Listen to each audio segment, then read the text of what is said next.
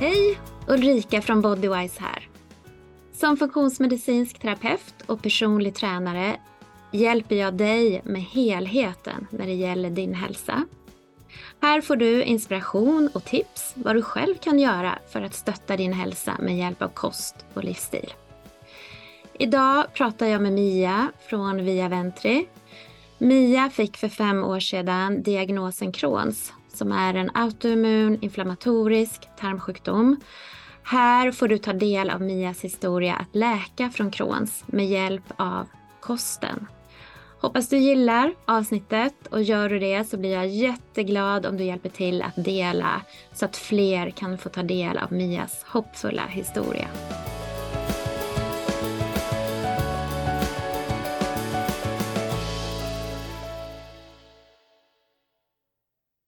Hej och varmt välkommen Mia. Tack så jättemycket. Tusen, tusen tack för att du tar dig tid att vara med. Och idag ska vi prata om din egen hälsoresa att läka från Crohns. Så du kan väl börja berätta lite vad Crohns är för något? Absolut. Eh, ja, men Crohns är ju en kronisk inflammatorisk tarmsjukdom, en så kallad autoimmun sjukdom. Eh, hör under paraplyet IBD tillsammans med, man hör det ofta tillsammans med ulcerös kolit. Eh, det var ofta där som man hamnar i en, eh, i en första så här, differental diagnos. Ehm, så inflammation i tarmen helt enkelt. Och det som skiljer Crohns mot ulcerös kolit det är att Crohns kan du ha inflammation i hela tarmen, både tunntarm och tjocktarm, medan ulcerös kolit, den eh, diagnosen får man då om det gäller tjocktarm. Så det låter ju som att Crohns är lite allvarligare då? Det, det kan ju vara det.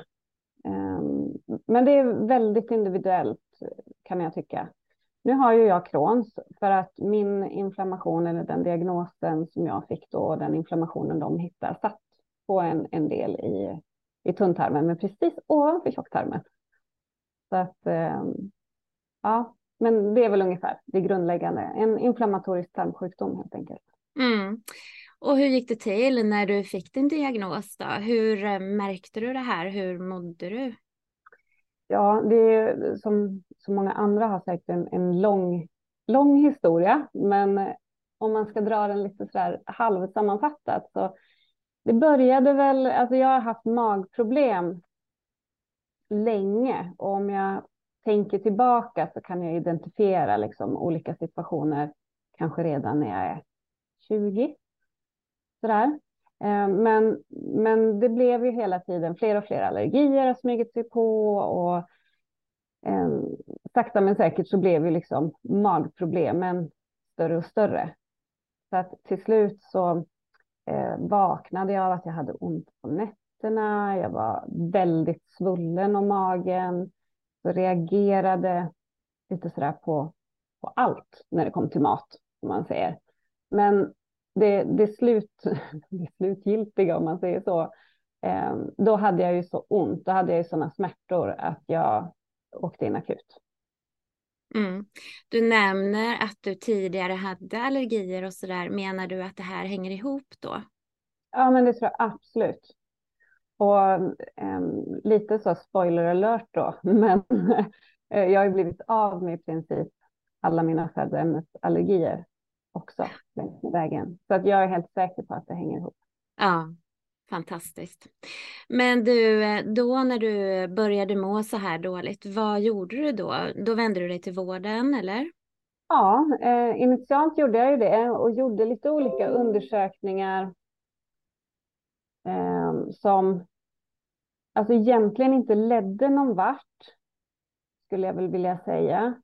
Eh, jag fick, jag fick en post-it-lapp där det stod FODMAP på av en läkare som liksom tyckte att, ja, för, ja, det stämde, för min del så stämde det inte riktigt in på de här klassiska symptomen. Jag hade inte en massa eh, blodiga diarréer eller liksom det här som kan vara väldigt typiskt och som liksom får alla röda lampor att blinka. Så. Jag hade liksom inte det, utan jag hade magsmärtor. Så att Ehm, initialt så sökte jag till vården men hamnade liksom inte, kom inte vidare tills eh, till slut då jag åkte in akut. Och då, och då var det lite så här, ja men jag åkte in till vårdcentralen och så sa jag att någon måste säga åt mig att det är okej att ha så här ont. För att nu kan jag liksom inte bedöma det längre själv. Tycker inte att det känns okej. Eh, och då blev jag ju eh, skickad med remiss då till akuten och så började de ta lite prover. Och då finns det ett, blod, eller ett avföringsprov där de tar som heter kalprotektin som var väldigt, väldigt högt. Mm. då kom jag in i, på, på rätt håll liksom, till gastro. Ja, just det. Men hur lång tid tog det skulle du säga från att du verkligen mådde så här dåligt och sökte hjälp tills att du fick din diagnos? Ja, det tog, det tog säkert något år skulle jag tro för att man tappar ju lite men alltså, man, stå, man är ju så duktig på att stå ut och anpassa sig efter, ja men man tycker att det som är, är normalt för mig är ju säkert normalt för alla andra. Och det kommer i vågor, var bättre ibland, sämre ibland och det är också klassiskt eh, för autoimmuna sjukdomar. Att det kommer mm. Och precis det här du säger, liksom att man anpassar sig och man tänker att så här ska det vara. Och det är väl ganska typiskt just med magproblem. Många går ju omkring idag med problem från magen, uppsvälldhet, bubblighet, smärtor efter man har ätit och så vidare och tror att det ska vara så. Det blir liksom normalt. Ja, man kommer inte ihåg något annat. Nej, precis. Men du, så du började med traditionell behandling sen då när de hade sett att ditt kalprotektin var förhöjt då? Ja, det tog säkert ett halvår faktiskt från det där att jag var på akuten i juni tror jag att det var. Och då kunde jag i princip inte gå för varje, varje steg som jag satte i, i, i marken, det gick liksom som ilningar av smärta genom hela kroppen. Och då var det så här, men ta Alvedon, kom in om det blir värre. Och så skulle jag bli skickad då till, till gastro. Och, och dit kom jag inte förrän i oktober. Gastro, du menar gastroskopi då?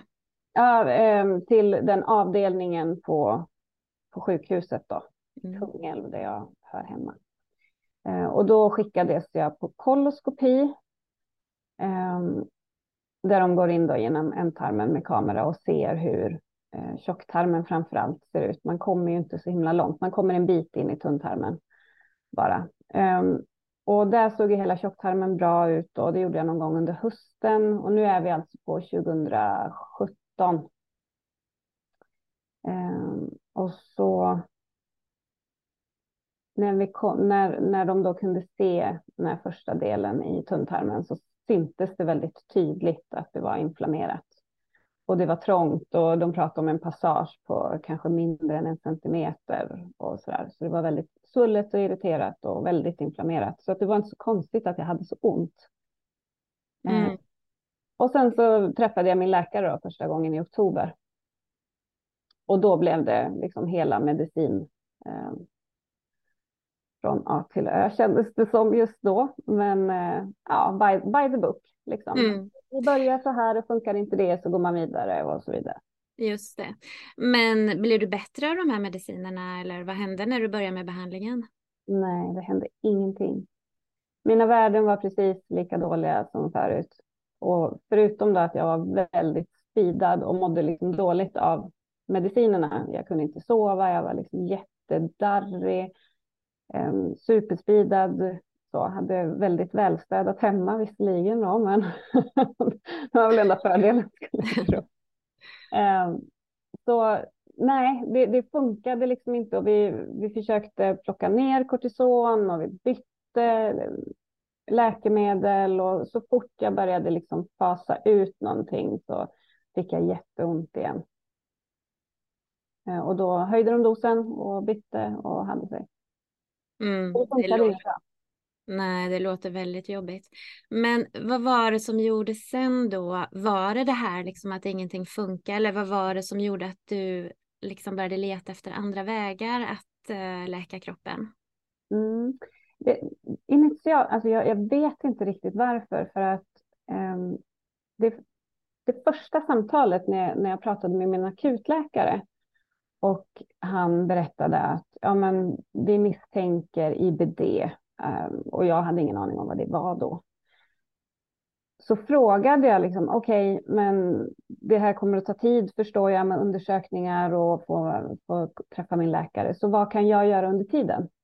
Det, det, var bara en sån spontan fråga och han sa, nej, nej, men lev som vanligt du och ta smärtstillande när du behöver det. Och jag, jag, jag tyckte att det var konstigt.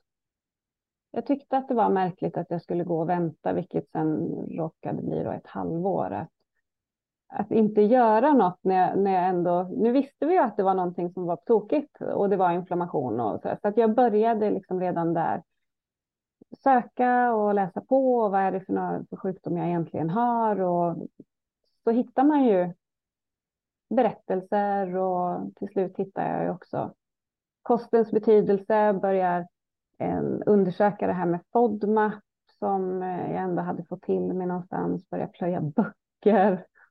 Så att när jag väl kom på mitt första läkarbesök så hade jag, jag hade så här, vän av ordning, en lång, lång lista på ett A4-papper. Så här, det här måste jag, de här frågorna har jag liksom.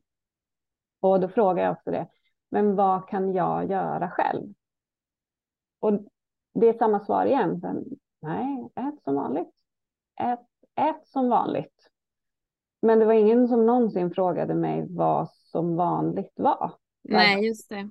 Hur jag levde eller hur jag åt. Nej.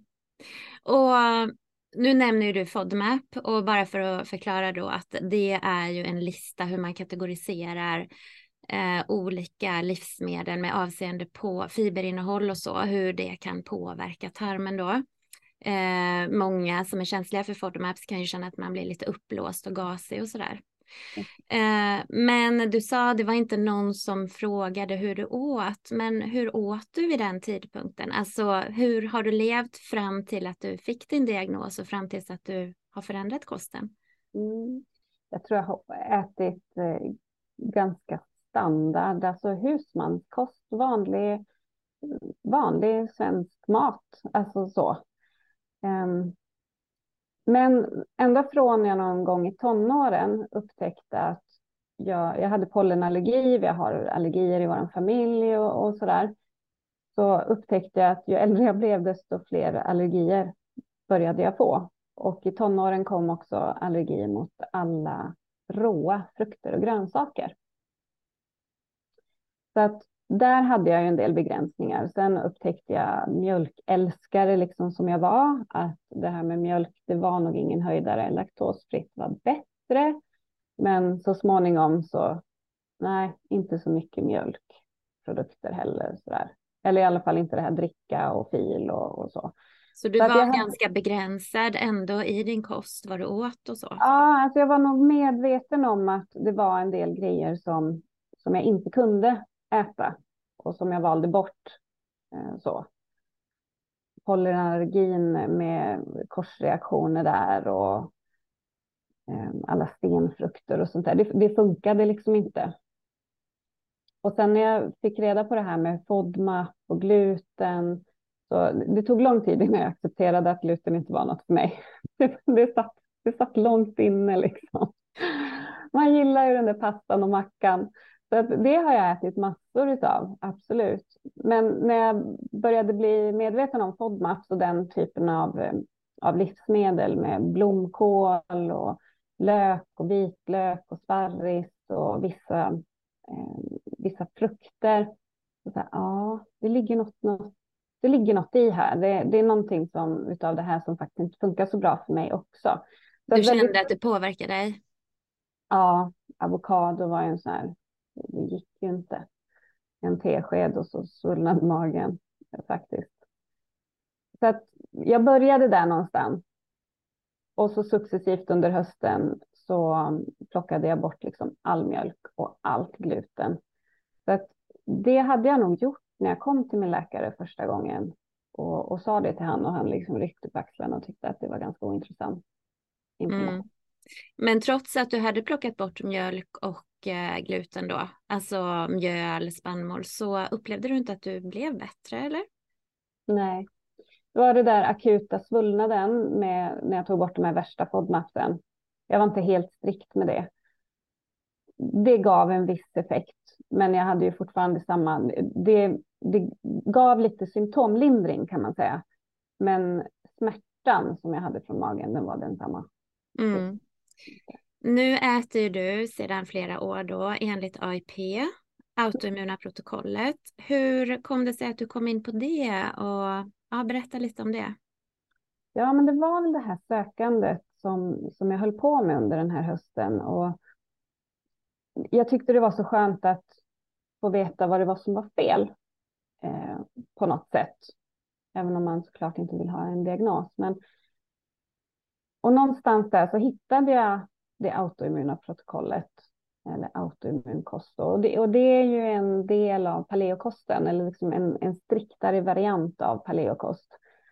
Så att efter att jag hade läst på en del och lyssnat på poddar och eh, läst en del på amerikanska sidor så bestämde jag mig för att det var värt att prova. Alltså lite så här, vad har jag att förlora? Mm.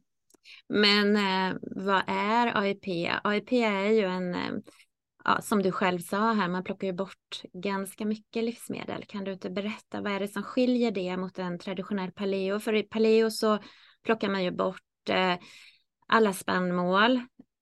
Det finns ju lite olika varianter av paleo. Man kan plocka bort baljväxter. Vissa väljer att ha baljväxter. Och nu för tiden så är det ju en del som också äter en del feta eh, oraffinerade mejerier. Men annars så plockar man ju också bort det på en paleo. Men vad är det som skiljer AIP från paleo? Mm. Då, då plockar man ju bort ytterligare potentiellt tarmirriterande och allergena ämnen som till exempel nötter och fröer. Eh, även eh, glutenfria spannmål, så att havre och ris och amarant och alla eh, de här försvinner också. Det kan ju kännas ganska tufft från början. Ägg försvinner också. Det är en väldigt vanlig allergen och innehåller en del ehm, ämnen som kan vara väldigt irriterande. Vad har vi mer? Eh, ägg, nötter och frön, nattskatteväxter. Potatisväxter kallas de också. Det är en, en familj av livsmedel som hör till potatis, ehm, tomat, paprika, chili, aubergine, physalis. De hänger ihop där, så de plockar man också bort för att de innehåller olika typer av antinutrienter då som de kallas, olika antinäringsämnen som har en tendens att kunna irritera tarmen, tarmslemhinnan, hämma eh, näringsupptag eh, och nedbrytning och så. Sen är det väl en del kryddor också som man plockar bort? Ja, precis. Alla frökryddor, de hör ju hemma hos fröna där och så svartpeppar, vitpeppar. Um, mycket, många upplever att det där som smakar mycket, det försvinner. Mm. Sen finns det en del andra tricks att göra AIP jättegott och, och liksom, eh, smakrikt ändå. Men mm, har jag glömt någonting där? Nej, men jag tror inte det. Men vad jag upplever när man föreslår AIP för kunder man träffar så säger de ju hjälp, vad ska jag äta? Mm. För du plockar bort alla bröd, pasta och då all fika och socker och sånt såklart. Man plockar bort mejeriprodukter och både bröd och mejeri, det är ju någonting som vi här uppe i Norden traditionellt sett baserar väldigt mycket av vår kost på. Sen får du inte äta ägg, du får inte äta några nötter och fröer, du får inte äta potatis, tomat, aubergine, paprika, chili, massa kryddor. De bara säger, vad ska jag äta? Hur mm. tänkte du liksom? Är det inte lätt att hamna i det här att man tycker synd om sig själv? Varför har jag drabbats? Och, och hur ska jag det finns ingenting jag kan äta? Eller hur, hur tänkte du när du började undersöka AIP? Kändes det liksom som ett självklart val eller hur, hur gick Nej. dina tankar? Ja, alltså ett, ett, självklart val var det nog inte. Men jag har en fantastisk familj runt mig också. Så att jag, jag började läsa och så tänkte jag men alltså det är verkligen värt att prova. Eh, vad, vad har jag att förlora mer än, alltså jag satsar, jag försöker att göra 30 dagar och sen utvärdera. Alltså fyra veckor äsch, det måste man väl liksom klara. Så. Och så mm, visade jag den här listan för mamma och hon var liksom, ja men det här är nog, jag hänger på, vi gör det tillsammans. Ja, vad härligt. Ja, och då blir man ju så lite lättare. Sen hade jag ju, det här är några år sedan, så mina barn var ju inte jättegamla då, men min man som är väldigt duktig på att laga mat, han sa också så här, ja vad har vi att förlora? Liksom, mm, tid i köket, vi får laga lite mer mat, men det är klart att det är värt att testa. Så att jag vet att när, några dagar innan jag började då, första januari 2018, så, så tog jag en bild på min tallrik och då var det liksom kött, en rejäl sallad, då hade jag lite tomat på och så var det nog lite ugnsrostade rotfrukter. Så skickade jag en bild på den här till mamma och så sa jag, minus tomat, det här kan vi väl leva på. Vad underbart. Ja, men också så här, äsch, vi behöver inte göra det så komplicerat heller. Så du var ändå, du tog dig an utmaningen, ja, du var positiv och du hade också bra stöd från din omgivning. Ja, det hade jag. Mm jag tror att det är viktigt att när man börjar med en sån här, för att det är tufft ändå, absolut. Det är hur mycket frestelser som helst runt omkring. Att man är väldigt tydlig och öppen med de man har runt, runt om sig. Varför man gör det och att man behöver stöttning och att man inte vill bli bjuden på något som man kanske vill tacka ja till. Mm. Men upplevde du, förstod din omgivning det eller fick du, liksom, blev du ifrågasatt, ah, det gör väl ingenting ibland eller? Kanske, alltså det var nog många som undrade på jobbet sådär. Ehm, men, men sen är jag lite sån av, av naturen att ja, men jag frågar du så svarar jag. Mm. och nej, det, när jag väl hade bestämt mig, eh, jag, är, jag går all in liksom. Så att när jag väl hade bestämt mig så var det ingen som kunde rucka någonting på det, utan om det var ett problem så ja, då får mm. det vara en annans mm. problem. Ja, men var du helt strikt då under de här 30 dagarna? Ja, det var jag. Mm. Eh, jag var till slut strikt två och en halv månad. Aha, för att du då kände redan efter 30 dagar att du mådde bättre, eller? Ja, jag hade fortfarande ont och jag hade fortfarande liksom Crohns symptomen hade inte lättat. Men jag kände att jag sov bättre, att jag hade liksom mer energi och att den här, du vet, klockan tre-dippen på eftermiddagen när alla samlas i, i eh, köket på jobbet och, och letar kakor. den, den infann sig liksom inte, utan jag hade en jämn energinivå hela dagen. Och då ja. började jag ändå att ha lite mellanmål och sådär, för att jag var lite rädd för att gå ner i vikt. Um, mm. Så att jag, jag puttade in lite extra där. Ja, vad härligt. Så 30 dagar blev två och en halv månad. Mm. Eh, vad hände efter de här två och en halv månaderna som du hade varit så strikt? Liksom började du då luckra upp kosten lite grann eller? Ja, alltså i AIP gör man i tre steg kan man säga. Så att första steget är elimineringsfasen. Och den brukar man ofta hålla då 30 till 90 dagar och då är man strikt.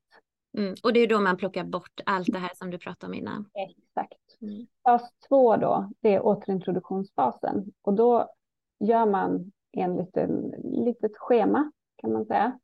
Eh, väldigt noggranna återintroduktioner med ett livsmedel i taget. Vilket gör ju att de här 30 dagarna, liksom när man sakta men säkert hela tiden bygger på, så blir det ju längre tid som man liksom fortsätter med AIP.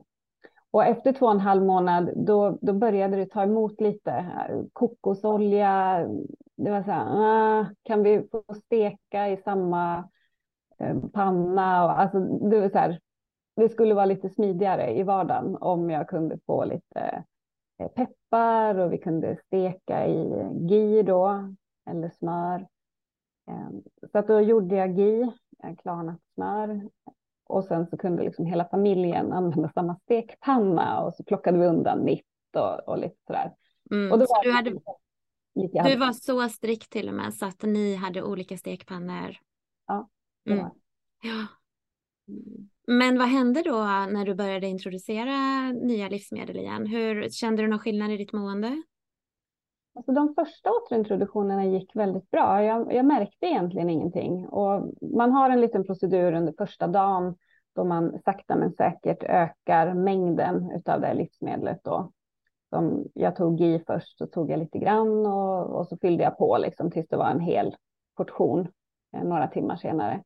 Och sen äter man inte det livsmedlet alls under två dagar och så är man väldigt observant på om, om det dyker upp symptom eller man sover sämre eller får huvudvärk eller känner sig tröttare. Det kan vara väldigt mycket olika diffusa symptom som kan uppträda. Så att då äter man inte alls på två dagar utan håller sig liksom till sin strikta kost igen. Och jag märkte ingenting på varken, jag tror GI var mitt första, Eh, ägggula mitt andra. Och sen tror jag fyllde på med mandel, mandel tror jag jag gjorde. För då räknade jag ut att jag kan få mandelmjölk och så kan jag få mandelmjöl och så kan jag få liksom hela mandlar. Det var så här riktig vinst om jag kunde få mandel då. Precis, för det är ju ett schema man följer med återintroduktionen, men man tar ju också hänsyn till individen. Är det något livsmedel som skulle underlätta din vardag? Är det något speciellt som du längtar efter så kan man ju prova att ta in det lite tidigare, även om inte det kommer i, i rätt ordning så att säga. Ja, men precis. Så att det, det var viktigt för mig och värt att prova och jag tänkte så här att okej, okay, går det inte, nej men då har jag provat och då får jag väl lägga undan det i någon månad till eller veckor till eller så där. Men då, då behövde vi något positivt i vardagen och få det att funka liksom. Ja. Mm. Men efter två och en halv månad, då tog jag också nya prover hos läkaren. Och då hade faktiskt mitt kalprotektin störtdykt. Från att ha legat runt 1000 så låg det nu under 50. Ja, det är ju helt fantastiskt. Ja, då firade vi och grät lite grann. Ja, och kalprotektin var ju den här mest studerade markören ska man säga för inflammation i tarmen. Ja, precis. Så från 1000 till under 50, ja det är ju helt fantastiskt. Vad sa din läkare? Men då sa han så här, åh vad bra att vi har hittat en bra nivå på medicinen som funkar nu. och i det läget så är man ju inte så kaxig själv heller, utan jag hade talat om för honom eh, redan innan, det någon gång i december, att jag kommer att börja och prova autoimmun kost och eh, du kan läsa de här studierna. Det hade kommit ett par i USA redan då. Eh, och jag kommer äta si och så här, bara så att du vet det. Och han tyckte väl att okej, okay, gör du det liksom, se till att du får i dig tillräckligt med näring. Och så skickade han mig till dietisten också. Eh, en fantastiskt trevlig kvinna som reggade allting jag åt under ett antal dagar och var så här, ja, äter du så här bra så ha, hade alla ätit så här bra och näringsrikt då hade jag inte haft något jobb. Så.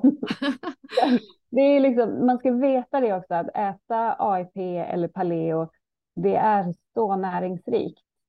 Så att bara för att du har plockat bort allt det här som vi tycker är vår vanliga mat så innebär det definitivt inga näringsbrister. Man får i sig allt man behöver. Mm. För någonting som många frågar om det är ju dels om man plockar bort gluten. Sen om man vill börja ta in det igen kan man bli känslig då. Mm. Och något annat som folk ofta frågar om det är ju hur får jag i mig kalcium när jag plockar bort alla mejeriprodukter? Precis. Och det är ju inte ett problem. Det finns kalcium i, massor av eh, livsmedel på AIP, allt från gröna bladgrönsaker och broccoli och allt vad det är. Så det, det brukar inte vara ett problem. Mm. Men du, under den här perioden då, du gjorde ditt experiment, eh, då stod du kvar på dina läkemedel, eller? Det gjorde jag. Mm. Och... Men vad hände när du kom då kalprotectinet var 50? Ville man göra någon förändring eller? Nej, då ville, då ville min läkare att gud vad bra, nu har vi hittat nivån, så nu vill jag att du står på den här dosen i fyra år. Och en av mina största drivkrafter att, att hålla kosten och vara så otroligt noga, det var just den här, alltså varje morgon när jag tog den här handen full med piller, så det tog emot. Jag tyckte att det var jättejobbigt. Så att, att inte äta piller för mig, det var, och det låter jättekonstigt, men det var på något vis en större drivkraft än det här, åh men jag vill bli frisk och må bra igen. Utan jag, jag ville inte äta medicinen. Jag ville inte vara beroende av den. Det låter lite bakvänt, men det var så. Liksom. Mm. Nej, men det är väl rimligt. Det är ju många som eh, ja, det är ju många som inte reflekterar, men det är ju väldigt många som inte vill äta medicin också mm. naturligtvis. För många gånger kan ju det leda till att vi får andra problem. Vi kanske får problem med magen, då behöver vi ta någon medicin för det och så vidare. Precis. Men du, han ville ju ha dig på det här då i fyra år. Eh, gick du på kontroller? Vad, vad hände? Liksom, äter du medicin nu med? Nej, inga mediciner. Och jag höll inte i dem i fyra år. Utan Ja, vi, vi dealade lite. Vi, vi förhandlade, han och jag. För att även om jag, jag mådde ju bra då. Jag upplevde ju verkligen att jag mådde bra. Jag hade inte ont och, och mina värden såg bra ut. Så båda var ju liksom nöjda. Men man är ju inte så kaxig att man säger att det här är bara på grund av kosten och nu bara bryter vi helt. Utan eh, eh, vi sa det att vi, jag fortsätter på mitt håll för jag mår bra av det och så, så fortsätter jag med medicinen i ett halvår.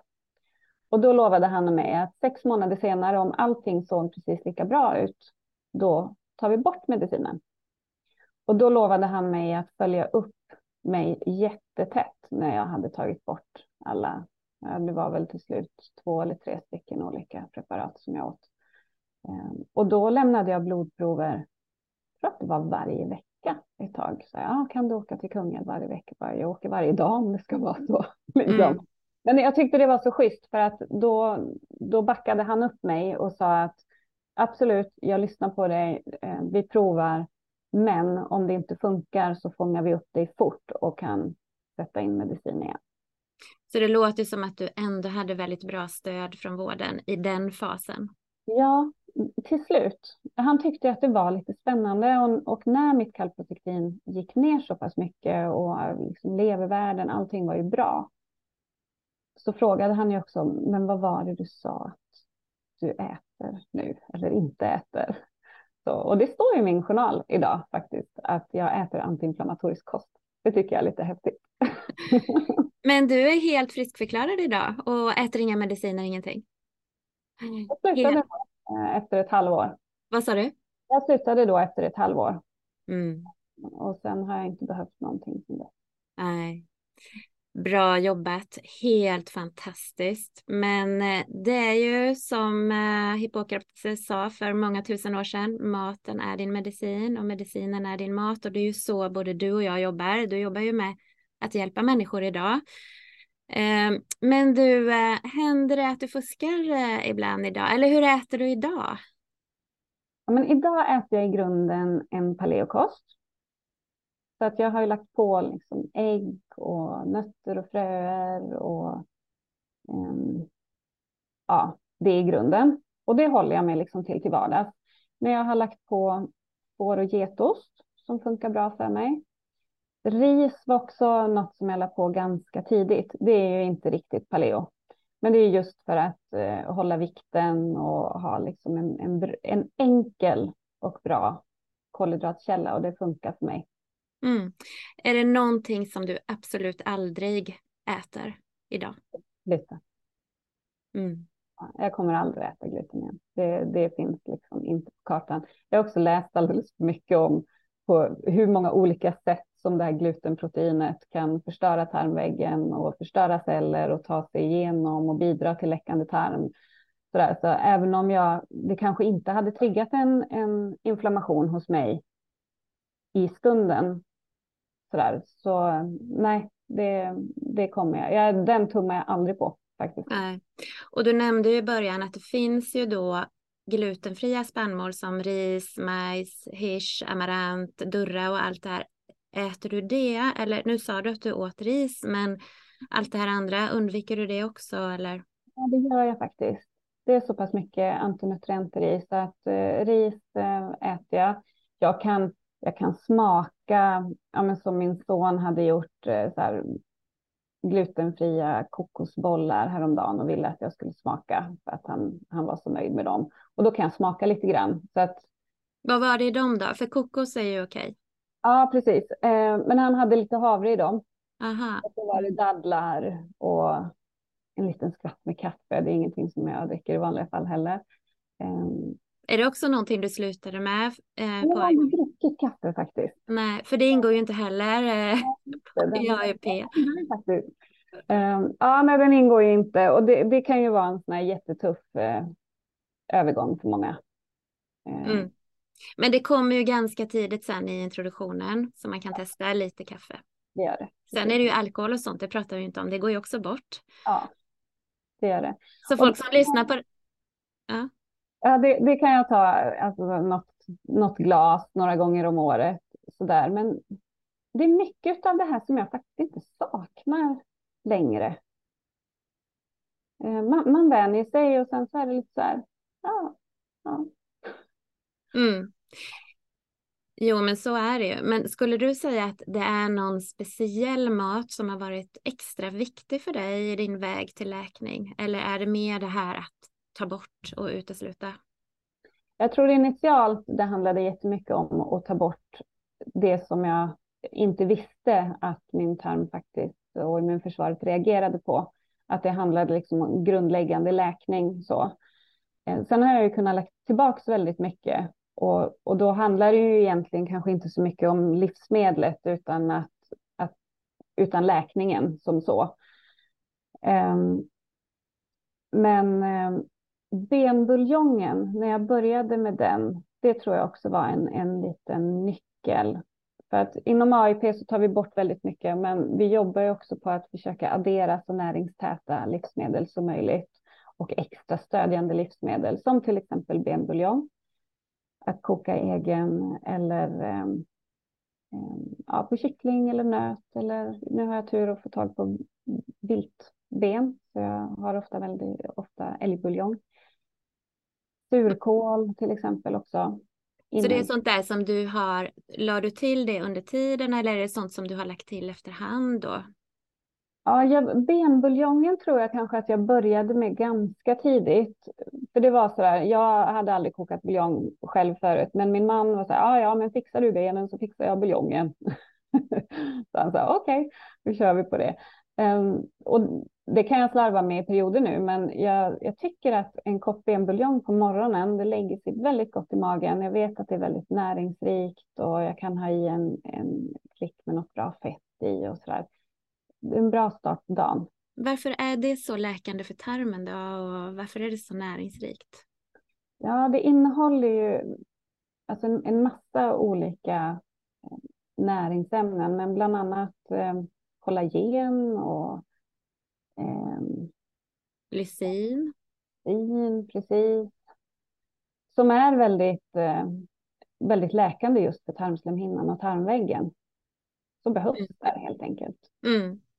Så nu nämner du ju då benbuljong och även lite syrat pratar du om. Men finns det några tillskott eller vitaminer eller sådär som du har tagit som du skulle säga har varit väldigt viktiga för dig också? För att har du en inflammatorisk tarmsjukdom då är det ju faktiskt så att du har ju ofta näringsbrister eftersom mm. tarmen är så skadad så att du kan ju inte ta upp all näring som kroppen behöver.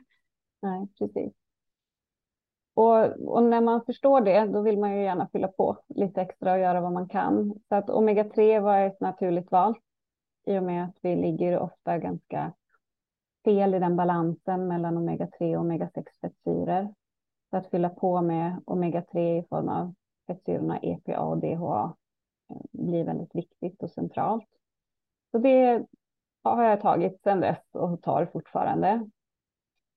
D-vitamin på vintern såklart. D-vitamin är ju jätteviktigt viktigt för att reglera immunförsvaret. Så att just den. Mm. Och just D-vitamin, det är ju... Vad sa du? Ja, bland annat. Ja, men just D-vitamin det är ju någonting man rekommenderar i ganska höga doser när man har en autoimmun sjukdom. Ja, precis. Så där följde jag upp faktiskt med tester så att jag hamnade på en bra nivå. Och och då ringde jag ofta till min gastrosjuksköterska där och så sa ah, men nu är det ju, börjar det bli höst och vinter här och visst, jag ska ju ta blodprover, kan jag inte få med D-vitamin också?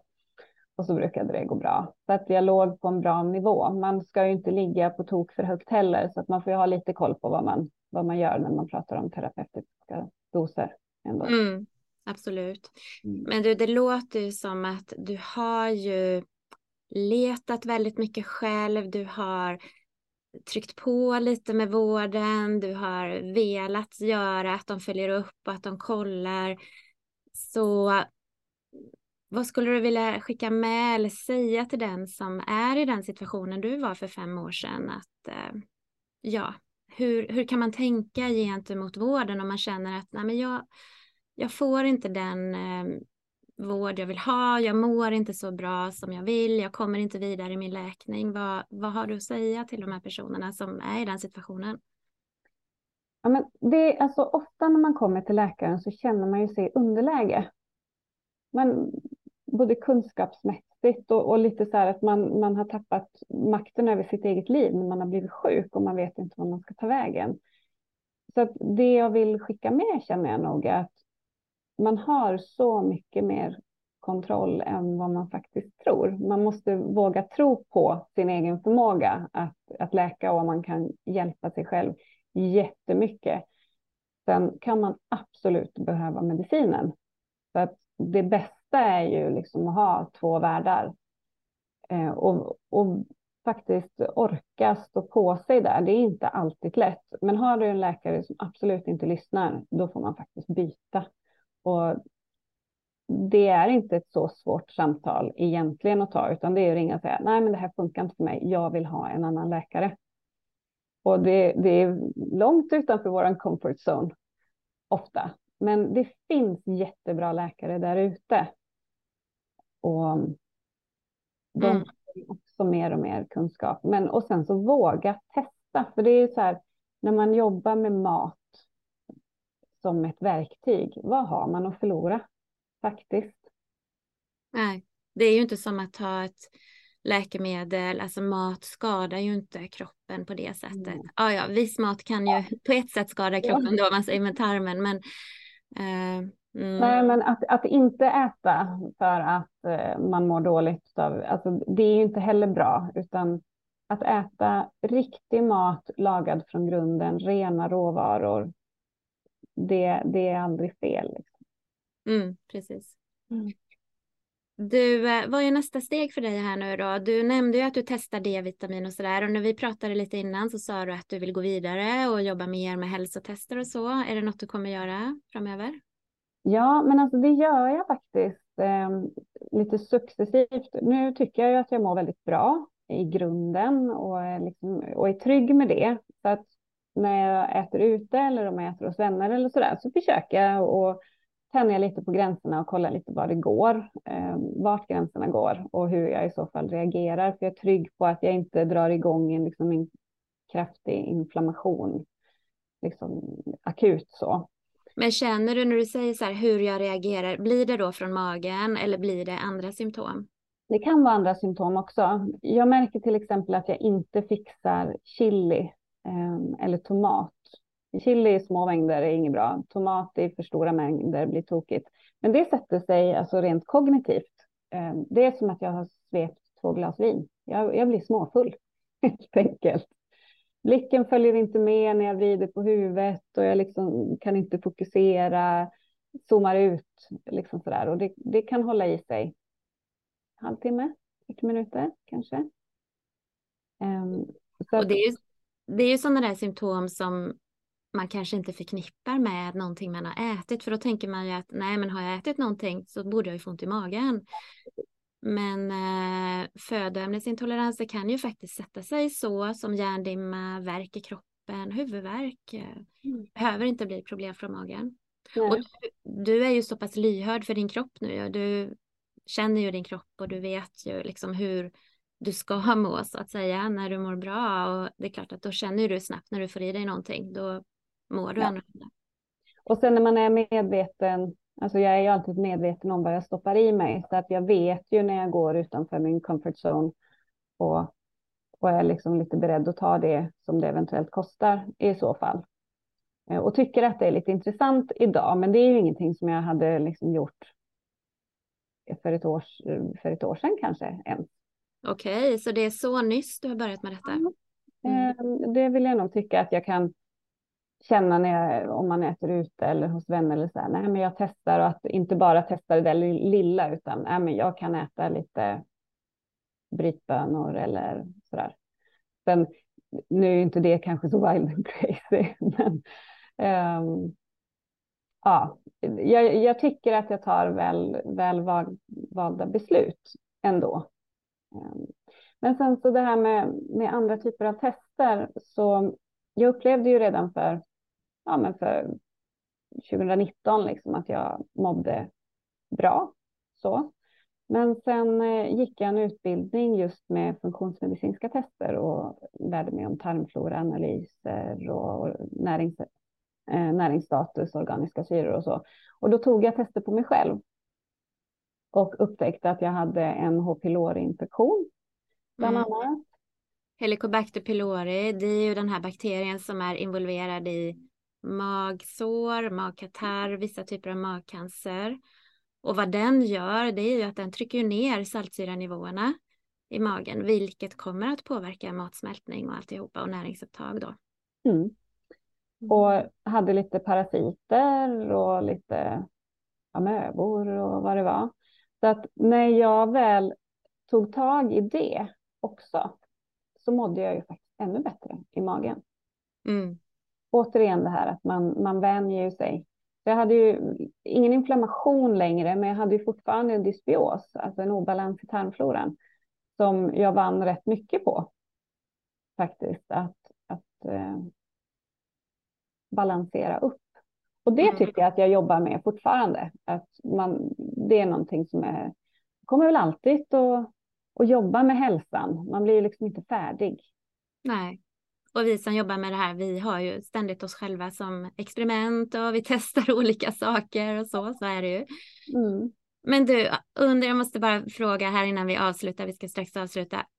Har du inte haft lust att bara ge upp? Vad, liksom, när folk lyssnar på det här så måste de ju tycka ingen alkohol, ingen kaffe. Vad äter hon? Kan hon gå ut och äta? Kan hon träffa vänner? Alltså hur har du orkat hålla i? Har du inte bara känt att nej, nu ger jag upp. Jo, nu går jag och tar en baguette. jo, men alltså herregud, jag är ju inte mer än människa heller. Eh, absolut, och jag kan, jag, jag kan drömma om smågodis liksom, plötsligt från att inte ha ätit sånt på massor med år. Så jo, absolut, jag, jag har lust att kasta in handduken och strunta i alltihopa och ja, men framför allt ta en macka. Liksom. Men det är inte värt det. Mm. Nej. Och du har ju på din hemsida Via Ventri som eh, är jättefin ju. Jag rekommenderar verkligen alla som lyssnar på det här att eh, besöka Mias hemsida för där har du ju mängder med recept som du har utarbetat under åren. Autoimmuna recept och till och med godis och bröd och allt möjligt. Verkligen. Det ligger flera hundra recept bara att gå in och botanisera och prova och äta gott. Ja. Men du, helt fantastisk resa. Bra jobbat av dig och så himla kul att du ville berätta om det här idag. Eh, du kan väl bara berätta för folk, vad har du på gång framöver? Var kan man hitta dig om man vill veta mer om dig och följa dig i sociala medier och så vidare? Mm, absolut. Jag finns ju på viaventry.se. Där, eh, där hittar man allt. Sen får man gärna följa mig och hänga med mig på Facebook eller Instagram, också på Via Ventry. Det som är nytt eh, nu kan man väl säga är att jag håller på att fylla webbshoppen med lite olika AIP-menyer. Det finns både liksom AIP som grund om man vill känna att ja, men det verkar lite svårt det här. Jag kan få hjälp med en två veckors meny som är väl avvägd och genomtänkt och med inköpslistor och liksom menyer och recept, allt man kan behöva. Det finns lite olika varianter där. Jag har föreläsningar under våren eh, i Göteborg och Kungälv. Ehm, jag har kurser i AIP som återkommer några gånger om året, men allting finns på hemsidan. Så att, eh, det är där jag finns. Ja. Men tusen, tusen tack för att du var med. Så kul att prata med dig och stort lycka till med allt du har på gång här framöver. Men tack snälla. Det är jätteroligt att få vara med. Okej. Okay. Mm. Ha det gott. Detsamma. Hej.